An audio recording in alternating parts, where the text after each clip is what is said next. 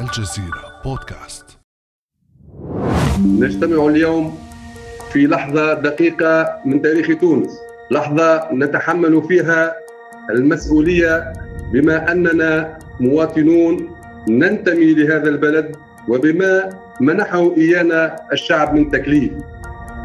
بهذه الكلمات بدأ أكثر من مئة عضو في البرلمان التونسي اجتماعهم الافتراضي في الثلاثين من مارس المنصرم بهدف إبطال تدابير الرئيس الاستثنائية التي أعلنها صيف عام 2021 لكن رد الرئيس قيس سعيد على هذه الجلسة الافتراضية جاء سريعاً معلناً حل البرلمان. وبناء على الفصل الثاني والسبعين من الدستور أعلن اليوم في هذه اللحظة التاريخية عن حل المجلس النيابي حفاظا على الدولة وحفاظا على مؤسساتها وحفاظا على الشعب التونسي. رئيس البرلمان رشد الغنوشي اعتبر حل البرلمان قرارا غير دستوري. قرار حل المجلس قرار خطير وباطل. ونحن متمسكون بالدستور وبالديمقراطية. حل البرلمان عمق الانقسام في تونس التي تعاني من أزمة بل من أزمات متعددة. فماذا بعد حل البرلمان التونسي؟ وهل يشكل حل البرلمان مفتاح حل أم تعقيدا للأزمة؟ وما الخيارات المتاحة أمام المعارضة لمواجهة قرار حل البرلمان؟ بعد أمس من الجزيرة بودكاست أنا خديجة بن جنة.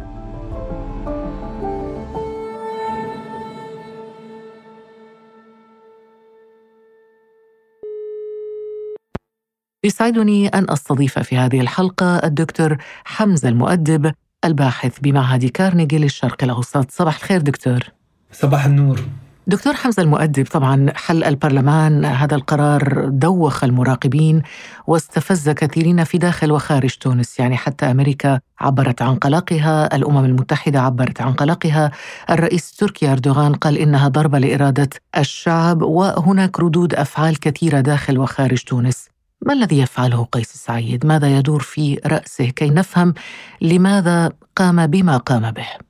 في الواقع حل البرلمان هو حلقة جديدة من ربما حلقات الأزمة السياسية والأزمة المتعددة الأبعاد كما أشرتم يعني التي تمر بها تونس اليوم.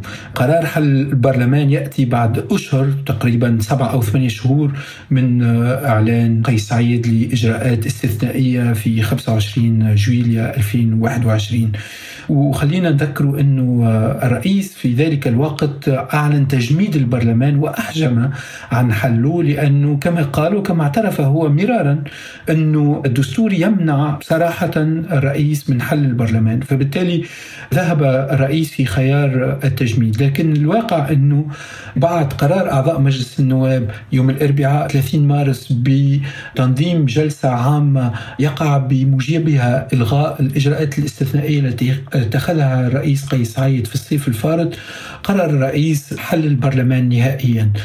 تقديري إنه هي خطوة أساسية وصارت مفصلية في الأزمة التونسية اليوم لأنه كان في الأشهر الفارطة كان ربما أي حل للأزمة السياسية قد يمر عبر إيجاد حوار بين البرلمان المعلق أو المجمد من جهة والرئيس الذي قرر الذهاب واتخاذ إجراءات استثنائية وبصفة أحادية الجانب إن صح التعبير من جهة ثانية، لكن اليوم يبدو لي هذا تصعيد طبعا من جانب الرئيس بإلغاء مؤسسة مهمة من المؤسسات السياسية التونسية وهي مؤسسة البرلمان. طبعا هو لم يقدر على ذلك في شهر يوليو 2021 وشهر جويليا 2021 لأنه الدستور لا يعطيه هذا الحق كيف قام بهذا الأمر الآن؟ هل استفز من هذه الجلسة الافتراضية للبرلمان إلى درجة أنه قام بهذا الإجراء هكذا بدون مسوغات دستورية؟ أعتقد أنه الرئيس قرأ قرار المكتب المجلس مكتب البرلمان كنوع من الاستفزاز دفعه إلى اتخاذ قراره بحل البرلمان. ولكن الاستفزاز هو استفزاز يخضع أيضا لقراءة سياسية للرئيس بمعنى أن الرئيس كان واضح أنه خاف نوعا ما من بروز شرعية جديدة أو ببروز شرعية منافسة لشرعيته. شرعية قد تقدح وتضرب شرعية الإجراءات الاستثنائية التي أوجدها أو اتخذها في الصيف الفارط بالتالي الرئيس وجد نفسه في صيغة قد تؤدي إلى نوعا ما صراع الشرعية. يعني هل هذا صراحة يعتبر خرقا واضحا للدستور؟ قرار الرئيس بحل البرلمان هو خرق لدستور 2014 دستور 2014 الحالة الوحيدة التي يقر فيها بحل البرلمان هو في الفصل 89 عندما لا تتحصل الحكومة على الثقة. عدا ذلك لا توجد إمكانية أخرى لحل البرلمان. بالتالي واضح جدا أنه كما قرار تجميد البرلمان لم يكن دستوري فأنه قرار حله اليوم لم يكن دستوري آه، لكن كان أقل وطأة من حل البرلمان التجميد. يعني هنا يا ريت لو تشرح لنا الفرق بين التجميد والحل. الواقع أنه قرار التجميد هو الذي اتخذه قيس سعيد في جويلية 2021 يقضي بتجميد كل أشغال البرلمان التونسي بمعنى أنه عمليا المؤسسة تبقى ولكن المؤسسة في حالة عطلة غير قادرة على الاجتماع وغير قادرة على مصادقة على القوانين غير قادرة على اتخاذ إجراءات والمشاركة في الحياة السياسية. هو تقريبا نوع من التعليق أو هو تعليق ولكن لم يذهب الرئيس قيس سعيد في الصيف الفارطة إلى حقيقة إلغاء المؤسسة. الفرق ما طبعا مع حل البرلمان هو إلغاء وجود المؤسسة نهائيا. ولكن الم... هو يستند إلى الفصل 72 من الدستور باعتبار أن هناك خطر هو التآمر على أمن الدولة العام واعتبر أنه قرارات مجلس النواب يعني هو محاولة انقلابية وبالتالي تصرف على هذا الأساس. وهذا هو يعني قرار الرئيس بالاستناد إلى الفصل 72 يعني مثير من ناحية إنه الفصل 72 لا يشير صراحة إلى ربما صيغة لحل البرلمان أو غيره. الفصل 72 ينص على أن رئيس الدولة هو رمز وحدتها واستقلالها واستمراريتها وبالتالي هو يسهر على احترام الدستور. المفارقة هنا أن الرئيس استعمل هذا الفصل كالذي طبعا يقر بدور رئيس الدولة في كضامن لوحدة واستمرارية الدولة لاتخاذ هذا القرار. تقديري أنه هناك حقيقة تعسف وهذه ليست المرة الأولى من قبل الرئيس قيس سعيد في تفسير وفي قراءة دستور 2014 طبعا في غياب المحكمة الدستورية. واضح جدا أن الرئيس استند إلى الفصل 72 وهذه نقطة مهمة جدا غياب المحكمة الدستورية. طبعا غياب المحكمة الدستورية جعل تقريبا من الساحة السياسية التونسية خاضعة لسياسة الأمر الواقع. وربما القادم قد يكون يعني لربما لن يتوقف عند هذا الحد عند قرار حل البرلمان. هناك إجراءات باستدعاء عدد من أعضاء البرلمان للتحقيق معهم من قبل فرقة مكافحة الإرهاب، هل هذا يعني أن هناك خطوات تصعيدية قادمة من طرف الرئيس قيس سعيد ربما التلويح بتهم مكافحة الإرهاب لملاحقة معارضيه؟ هناك حقيقة حتى داخل الدولة التونسية ربما حتى داخل هياكل القضاء نوع من التململ لأنه جلسة البرلمان جلسة شرعية وقانونية ودستورية. الصراع بين البرلمان والرئيس هو صراع سياسي. الذهاب من قبل الرئيس قيس سعيد إلى استعمال القضاء وإسناد أو يعني تهم خطيرة من كتآمر على أمن الدولة والقيام بمحاولة انقلابية إلى نواب لم يقوموا سوى بما خول لهم الدستور. يعني في حقيقة استعمال للقضاء لأغراض سياسية وتقديري أنه هناك داخل حتى بعض من الأجهزة رئيس الدولة نوع ربما من محاولة لعقلنة الصراع السياسي وبالقول أنه خطوة الرئيس هي خطوة سياسية كما خطوة البرلمان هي خطوة سياسية وبالتالي لا داعي للزج بالقضاء إن صح التعبير في أتون الصراع السياسي. ولكن طبعا يعني محاولات الرئيس استعمال القضاء هذه ليست جديدة وقد تليها محاولات تالية بحكم أنه عمليا اليوم الرئيس يعني بعد إلغاء مجلس الأعلى للقضاء وتسمية مجلس أعلى جديد صارت له اليد الطولة في القضاء. فبالتالي هناك حقيقة يعني مخاوف من استعمال القانون والقضاء في إطار الصراع السياسي اليوم في تونس إذا مع تطويع القضاء وحل البرلمان وكل هذه الإجراءات والتدابير التي يتخذها الرئيس قيس سعيد هل ما زال هناك شيء يعني يخشى أن يقبل عليه أكثر مما فعله حتى الآن؟ في الواقع أنه كما قلت اليوم الساحة السياسية في تونس هي تخضع لسياسة الأمر الواقع. عمليا الدستور لم يعد دستور يحتكم إليه المتخاصمون أو الأطراف السياسية لأنه ببساطة هو يخضع لقراءة الرئيس قيس سعيد لحساباته ولأهدافه ولطموحاته السياسية. في غياب طبعا محكمة دستورية تلعب دور الحكم والقادر على أن يفصل بين المتخالفين أو بين الأطراف السياسية وأن يضع حد لتطويع الدستور كما هو بصدد فعله الرئيس قيس سعيد. يعني هو ماشي في خارطة الطريق التي صنعها أو حددها لنفسه. هو يبدو أن الرئيس قيس سعيد ماشي في خريطة الطريق التي حددها والتي أعلن عليها في ديسمبر الفارط يعني عمليا آه، عكس كان هناك آه، توقع من قبل ملاحظين هنا في تونس أنه بما أن الرئيس اعتمد على الفصل 72 من الدستور الذي وجب التذكير أنه ثلثيه تقريبا هو مجمد ومعلق بحكم المرسوم 117 الصادر في سبتمبر الفارط فإنه بما انه وقع الاعتماد على فصل من الدستور فإنه قد يقع الاعتماد على بقية الدستور وإنه قد يقع الإعلان على انتخابات سابقه لاوانها في فترة 45 يوم إلى 90 يوم. ولكن الرئيس مرة أخرى أعلن أنه لن يذهب في خيار انتخابات سابقة لأوانها وأنه سوف يعود إلى خريطة الطريق التي رسمها والتي أعلن عنها. إذا لا انتخابات مبكرة في الأفق. يبدو على الأقل ليس هناك شيء رسمي ولكن إذا فهمنا يبدو من تصريحات الرئيس أنه لا انتخابات في الأفق لأنه الساحة السياسية مرشحة إلى أنه إلى قد أنه تشهد تغييرات. بأي اتجاه؟ لأنه يبدو أنه معسكر المعسكر المؤيد لقيس سعيد بدأ يتلاشى لأنه تقلصت دائرة أنصار قيس سعيد ومؤيديه مع كل هذه الإجراءات التي يتخذها. صحيح. هو تقلص زخم الدعم لقيس سعيد خصوصا لدى النخب. يعني شفنا أحزاب سياسية دعمت قيس سعيد في 25 جويليا ثم تراجعت عن دعمها. شفنا اتحاد الشغل الذي يبدي دعم للحظة 25 جويليا ولكن لا يدعم كل الإجراءات وكل المسار الذي اتخذه قيس سعيد فيما بعد 25 جويليا تقديري أنه بعد حل البرلمان تفطن الرئيس سعيد إلى أنه بصدد عزل نفسه وبالتالي وبالتالي أعلن على مسعاه في تنظيم حوار وطني. إلى اليوم غير واضحة معالم هذا الحوار. من سيشارك؟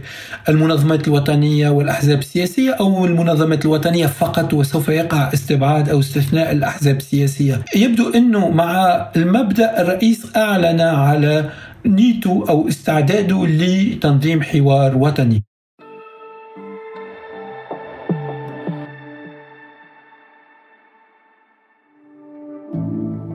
ابقى على تواصل مستمر مع الجزيرة بودكاست ولا تنسى تفعيل زر الاشتراك الموجود في تطبيقك لتصلك الحلقات يومياً.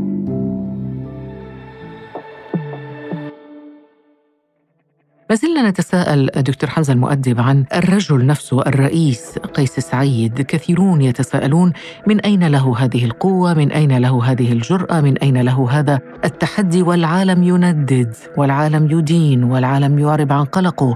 هناك قلق دولي عبر عنه المتحدث باسم الأمم المتحدة عبر عنه أيضا المتحدث باسم الخارجية الأمريكية نيد برايس. هناك قلق عبر عنه الرئيس التركي رجب طيب أردوغان بل ذهب حتى إلى وصف ما قام به الرئيس التونسي بأنه اعتداء على إرادة الشعب وأيضا الخارجية الألمانية عبرت عن أسفها لقرارات قيس سعيد.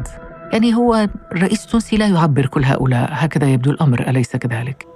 هو الواقع انه هذا هو. الرئيس التونسي ماضي في خريطة الطريق التي أعلن عنها وبدون الاكتراث إلى عدم الترحيب أو من قبل طبعا شركاء تونس الدوليين أو المنظمات الدولية.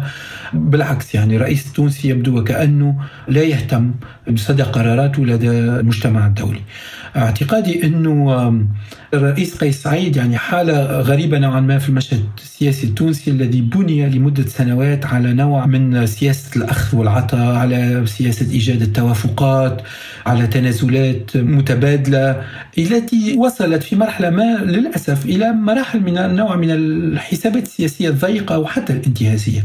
يبدو لي أنه هو يستفيد من حقيقة ضرب لمصداقية الطبقة السياسية التي حكمت البلاد قبل 25 شوية بالتالي هو يعطي أهمية كبرى لدعمه الشعبي للأوساط الشعبية التي تدعمه ولا يكترث حقيقة بموقف النخب سواء في تونس أو في خارج تونس. هذا من ناحية. خطوات الرئيس قيس سعيد هي أيضا مدعومة من قبل تقديري على الأقل المؤسسة الأمنية التي تدعمه ثم من قبل موقف حتى لا أقول محايد ربما هو محايد ولكن مرحب من قبل المؤسسة العسكرية لأنه في النهاية غلق البرلمان صار بقرار أيضا من المؤسسة العسكرية ثم أنه قرار حل البرلمان هو أيضا من شأنه أنه يضع إحراج على المؤسسة العسكرية والمؤسسة الأمنية ان صح التعبير. هل هذا الحياد الذي تبديه المؤسسة العسكرية في تونس يمكن ان نظر إليه على أنه تماهي مع قيس سعيد؟ هو ربما ليس تماهي 100% مع مشروع قيس سعيد. ما تريده المؤسسات التقدير الأمنية والعسكرية في تونس هو إعادة صياغة النظام السياسي الجديد نحو مركز للسلطة نحو سلطة تنفيذية يعني قوية. هو إنهاء حالة تفتت السلطة كما شفنا مع دستور 2014 تقديري أنه هناك التقاء للمصالح بين المؤسسة العسكرية والأمنية من جهة وقيس سعيد من جهة ثانية هل أن المؤسستين تدعمان قيس سعيد في مشروعه نحو البناء القاعدي وتفريغ البرلمان من صلوحياته أنا أستبعد هذا ما الذي يمكن أن يحدث في الأشهر القادمة؟ طبعا لا ننسى هنا دكتور حمزة المؤدب أن نشير إلى انه كل ما يجري يجري في ظل أزمة اقتصادية، أزمة اجتماعية خانقة وبوادر حقيقية لإفلاس مالي يهدد تونس. التقدير إنه الأسابيع والأشهر القادمة سوف تكون يعني أشهر صعبة كما أشرتم لأنه الأزمة في تونس مركبة هي أزمة سياسية ولكن أيضا أزمة مالية واقتصادية. مؤكد جدا إنه هناك حرص لدى المؤسسة العسكرية وكما لدى في الواقع شركاء تونس يعني الدوليين على إيجاد نوع من تشاركية في إعادة بناء النظام السياسي. واضح جدا أنه استفراد قيس سعيد بتحديد مستقبل البلاد سوف ينتج أو ينتج عفوا عملية سياسية يتيمة إن صح التعبير.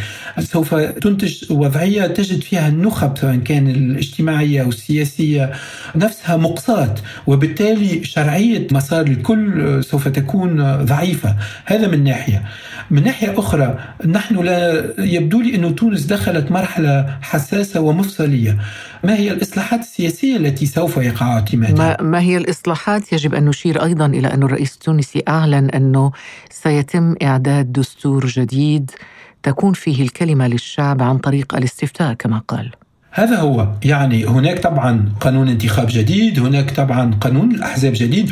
ولكن لم يقع الآن طبعا التأكيد بصفة واضحة وصريحة أنه سوف يقع تغيير الدستور ولكن الكل في تونس تقريبا يعرف أن الرئيس ذاهب في صياغة دستور جديد سيعوض دستور 2014 وهنا يبدو لي نقطة اختلاف أساسية. يعني هل سيقع التوافق على كل النقاط داخل هذا الدستور؟ فيما عدا طبعا نقطة الالتقاء اللي هي بناء سلطة تنفيذية قوية. ماذا عن البرلمان؟ وماذا عن صلاحيات البرلمان؟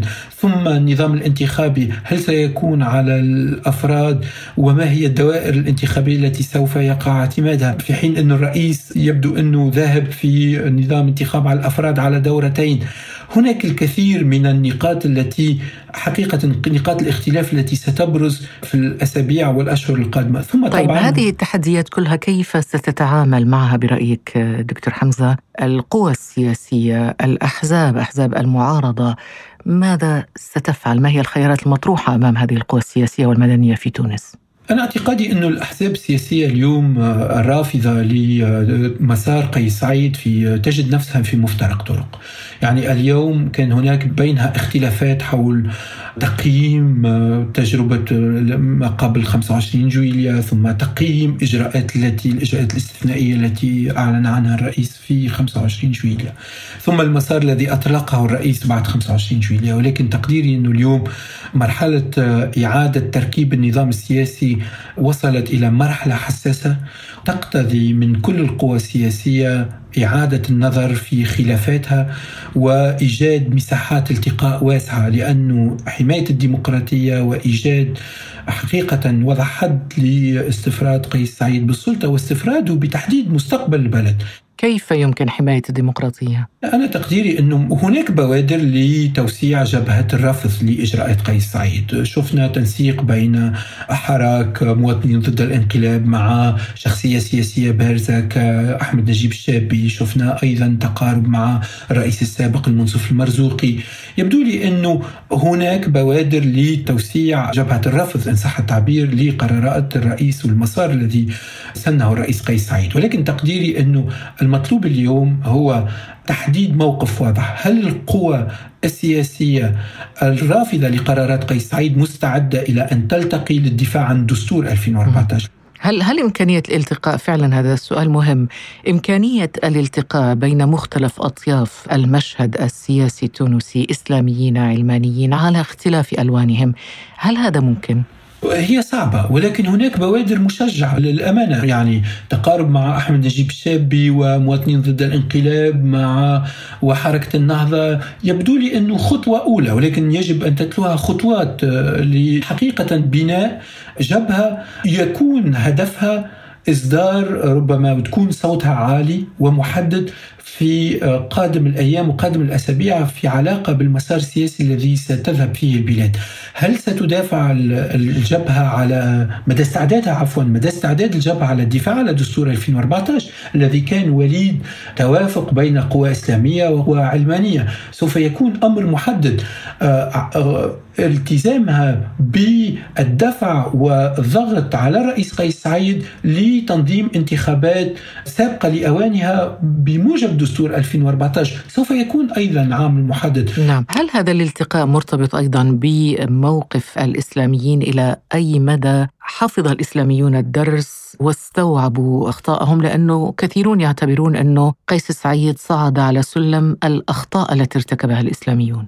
صحيح يعني هناك حاجة ملحة داخل الطبقة السياسية إلى الاعتراف بالأخطاء إلى تقييم تقييم جدي وموضوعي.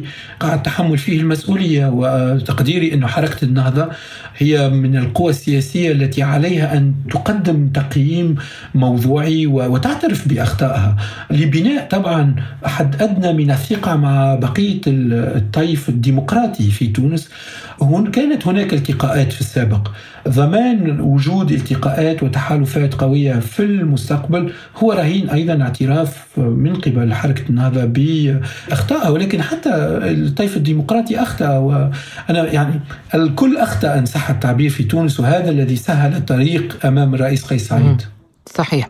مفتاح الحل في جيب من الآن؟ الواقع أنه المفارقة في تونس أنه يبدو أنه الرئيس قيس سعيد آه، صار بحكم كما قلت سياسة الأمر الواقع هو المتحكم في المسار السياسي في البلد.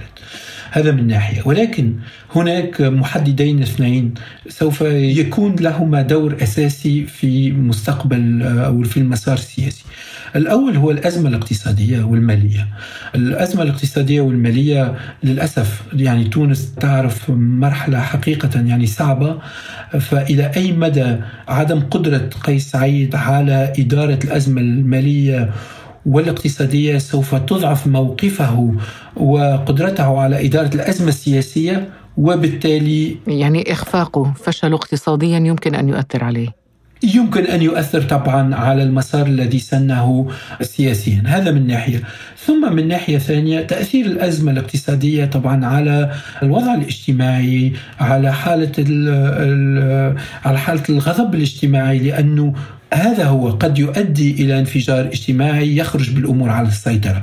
طبعا هناك أيضا عامل ثالث ربما مهم التذكير به هو رأي التونسيين فيما سوف يقع الذهاب فيه في الأشهر القادمة سواء كان مقترح قيس سعيد لصياغة دستور جديد آه، أو أو الذهاب إلى استفتاء يوم 25 جويليا مهم جدا أن التونسيين النخب التونسية والنخب السياسية التونسية يدافعوا على التجربة الديمقراطية سواء بأي كانت الصيغة يعني صيغة دستور 2014 أو إن قرروا الانخراط في إصلاح سياسي فإنه من واجب الإصلاح السياسي أنه على الأقل يضمن الفصل بين السلطات ويضمن حد أدنى من الحريات في البلد. شكرا جزيلا لك الدكتور حمزة المؤدب الباحث بمعهد كارنيجي للشرق الأوسط. كنت معنا من تونس. شكرا لك. شكرا.